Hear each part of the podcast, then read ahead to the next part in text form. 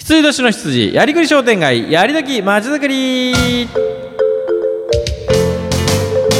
はい時刻の方はもう6時38分を回っております。早いですね。相変わらずこの6時台は、うん。早い。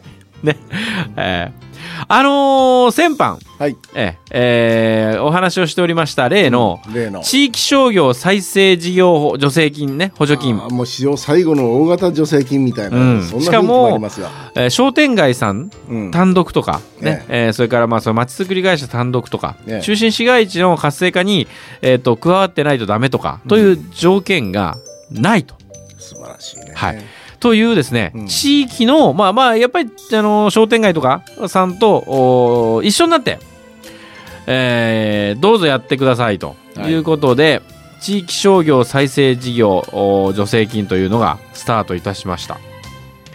えーこれ5月の31日まで各経済産業局17時必着っていうことになっております。17時までに届けなさいと。はいでその説明会にですね行ってまいりました。うんはい。はいね、前行きます行きますって言ってたんですけども、えー今回私はですね、えー、と一番この行きやすい場所が米子だった米子じゃないあの倉吉だったので、倉吉。はいえー倉吉に行ってまいりまして、えー説明を受けてまいりましたが、日本海見に行ったんですね。うん、でも倉吉だと日本海まで行かない感じですね。ちょちょっと手前。うん、うん。まあ内陸ではないですけどもちろんね港ありますけどね。あの鳥取と米子の間。はい。はい。えっ、と、ロマンティック街道というのがありまして、えーだから、あそこの福山から、うん。福山から、えー伊原、高橋、うん。そして、えっ、と、真庭、はい。はい、を抜けて、えー倉吉まで、縦313号線というところがあるんですよね。これロマンティック街道って言われてて、うん。ものすごい走りやすいいいコース。ロマンティックなの？あのーどうなんでしょうね。なぜかそう書いてありました。街道っていうとね、江戸時代からあるような風景まあそうです。す最近のいわゆるなんかね、ええあのほら出雲の方行くと神話街道とかあるじゃないですか、ううんんそれのまあ関連でしょう。ロマンティック街道で、あのでも温泉場が多かったですよ、ああ、なるほど。うん、あ米子というと私はどうしたら大山、あそうそうそスキーあたりのね。うねそうですねそれのちょっと東側でございますけど、まあそこで、えー説明を受けてまいりましたがまず今年度、平成24年度の地域商業再生事業は国が予算を新規に15億円用意いたしました15億円。うん。ね。ですが、まあ、ですがって言っちゃいけないですけど。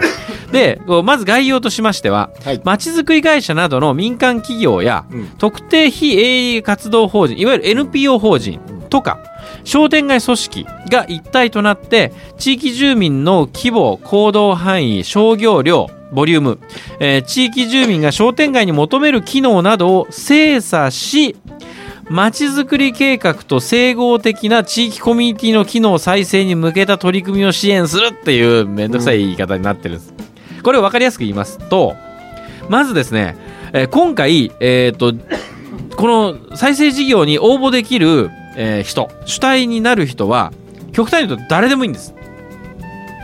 商店街組織プラス、えー民間のまちづくり会社とか民間の、えー、とグループ例えば門司港コミュニティプラス、えーなんとか商店街とかそういうのでも OK ということになっておりましてこのどういう人がやるかということについてあんまこだわりませんというのが、えー今回のスタンスです。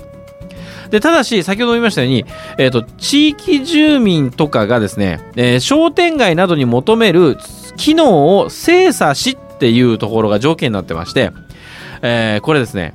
実は地域状況調査分析事業というのをまず、えー、と初年度にやらなければ次のですね、えー、その1億とか2億とか5億とかっていう助成金事業に、えー、とチャレンジできないことになってる。これが今回のシステムの中では一つ目玉というか、えー今まで商店街さんとかって自分たちの商店街にはとかこの地域では地元の人はそのどういうコミュニティ機能が欲しいのか調査してないでしょっていうのが前提なんですね。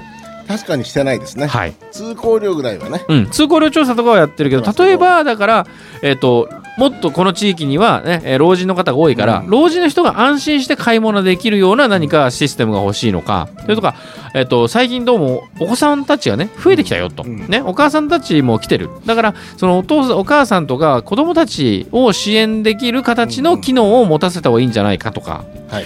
えーそれから周りには実はのその生産農家が多いと、ね、だから生産農家と、えー商店街とかい直結できるような、うん。そういうシステムの機能がいるんじゃないかとか、うん。まずその調査をしなさいと、こういうのがあったらいいねということですね、そうなんです。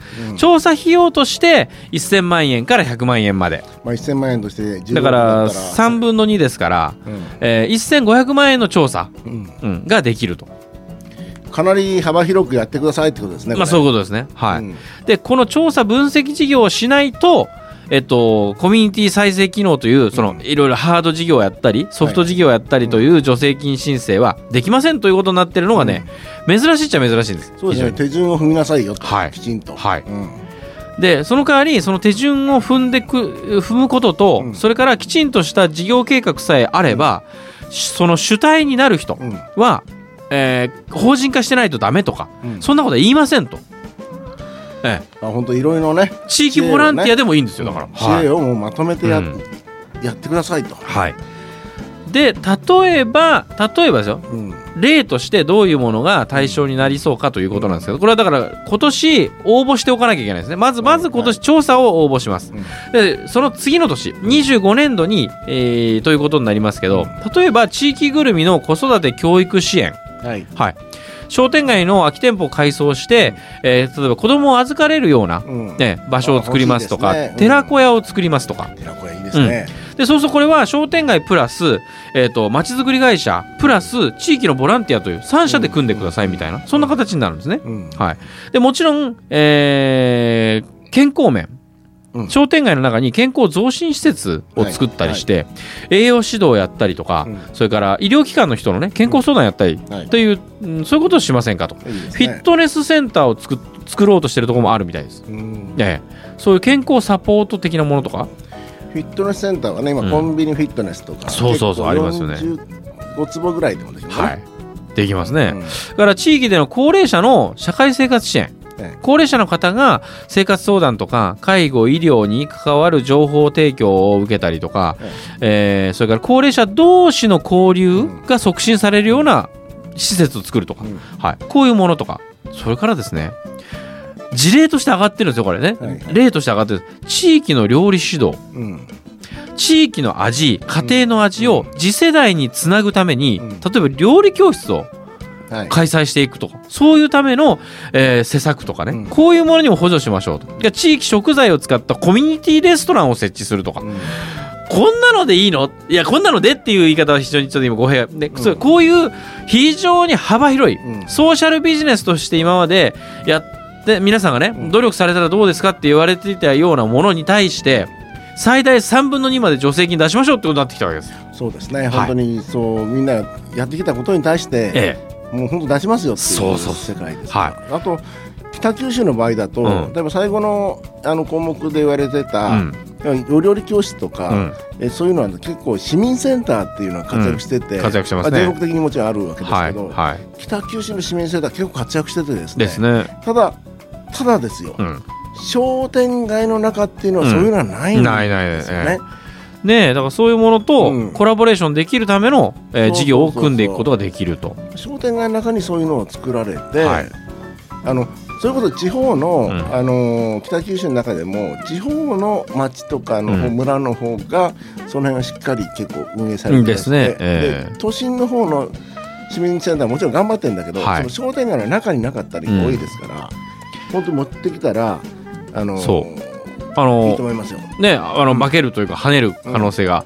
で、えー先ほどからも言っておりますように、うん。今回の助成金事業が面白いのはそのえっと、NPO 団体だったり、うん。ねえー地域グループ、うん。ね、それからその、えー指導できる医療機関とかはい今まで経済産業支援の分野では登場しなかったような、そうですね。ね、あなたたち法人じゃないしとかね、うん。あなたたち、えー、といわゆる何経済関係じゃないでしょ、うんうんうん商売関係じゃないでしょって言われていたような、うん。そういう人々と組み合わせることがうん。奨励されてるんですね、え。それが一つ非常に面白いということとだから本当、えー、と今まで全然そのここで商店街の話をねされてもうち我々に関係ないしって聞き流してた方々も今ラジオの前にいらっしゃるかもしれませんが違うんです今度は。今度は今まで商売系のある話じゃないところで活躍をしていた方々と商店街とかが絡むにはどうしたらいいかっていうことについて補助金が出るんです。大きなポイントはですね、えー商店街の方々がうん。周りの組織を受け入れられることができるかということそうそうそう一つと、それとこういう補助金あ福祉関係とか、うん。いろんな、えー町の問題解決課題解決のための補助金ですけど、このタイトルは地域商業活性化でしょ？再生事業、うん、そうですね。はい。だから商業ベースなんですよね。そうです。よ最終的にはやっぱり経済産業省所所管のうん。事業なので、それによって商店街さんとかうん。皆さんが盛り上がるようにと、うん、はい。だから本当採算性っていうのを問われると思う、うん、もちろんそうです、はい、だから商店街がね本当に周りを引き巻き込んで、うん。巻き込んで、うん。自ら巻き込んで、うん。その専門性のある人知恵のある人たちを巻き込んで儲かることをしましょう、いやいいということになります。でしかも最近の傾向としてやはりこれに本当に補助金を出せばうん。ちゃんとその成果を出してくれるんですねっていうところをうん。経済産業省は追求をしてきます。うん。ので、えーやっぱりそのためにも自分たちの、えー、と調査をしなきゃいけない。調査をしてしかも、えー、と予想される、えーその想定の数字を出して、そこに向けて頑張ると。いうこともしなきゃいけないということになっておりますんで。その辺の結果しっかり出さないと。そうそうそうそう。蓮舫さんに怒られますよ。まあそういうことなんですね。え えということにはなっております。はい。で、えーさらに言うと言うとですね、まちづくり計画と整合性があるものということで、ですね。はい、例えば、うん。あの高齢者、高齢福祉を、えーね、この地区ではやっていきますと、市の方が言っているんであれば、はい。そこでやっぱり高齢福祉系の事業はできますよと。うん。言ってないところ、ここはあのいや学術でやりますって言ってるのに、うん。ここで高齢福祉をもっとなんとかしましょうっていう事業はできないと。まあ大概の,、あの市町村というか自治体は、はい。えー何年か前にマスタープランっていうのを作りましょうってうん作りますね。なったから、あのそれはある確実にあるはそうですね。ずなんですよね。えでそのまた特別区とか特別な地域において、ああのそのえそういう計画がさらにね詰めてあるかもしれません。うん。だそれとやっぱり、えー、と合うかどうかとそうですね。いうことも、整合はい性を見なきゃいけないですね。はい、ということで逆に言うとですね合ってさえいれば、うんえー非常にこれには助成金がつきやすいと。また申し込むときに、うん。やっぱ役所の推薦みたいなのが必要になるでしょう。はいはいあります。はい。それがありさえすればね。ですね。はない推薦できねえんだ、みたいな話になりますんでね。はい、ということになっております。はい。はい、で、えー最後にもう一度繰り返します。まず今年ね、うん。将来的にこの地域商業再生事業を使っていきたいという方は、う商店街の方ね、それからあのー民間のまちづくりの方とかは、うん。まずまず今年地域状況調査分析事業に応募してください。はい。はい。えー一番、えー小さい規模でいくと150万円、そしてこのうちの助成金は100万円、うん。はい、でいろんな調査研究の人たちと一緒になってやることになります。はい、で、えーこれに応募しておきさえすれば、ね、極端には、えー来年からのあーいろんな高額のお助成金を使った事業があー期待できるということになります。はい今年初年度ですから今手挙げとかないと損です。あとはですね、まちづくりの方々は、うん今まで本当に収益性があまり悪い中でやってて、お金集めがなかなかうまくいかなかったと思うんですが、うんこの150万円規模のもので100万円の助成を受けるときに50万という手も手出しの資金が必要になりますので、これを集める方法論もやっぱそうりそうそうそう。皆さん勉強した方がいいですね。ええそこで知恵を出していけばね、今後もう怖くないですからね。うんはい。あとあの1000万であれば500万というのを作んなきゃいけないそうそうそうその知恵をやっぱどういうふうなスキームを組むかっていう勉強をやっぱ知った方がいいですよね。です、うんはい。ということになります。ぜひぜひ、え頑張ってみてくださいということでした。もし、あのね、聞きたいことがあれば、あの、FM 北九通じて私に聞いていただいても結構でございます。では、これにて今日のおやりやり時商店街やりくりまちづくり終了でございます。素晴らしいはい。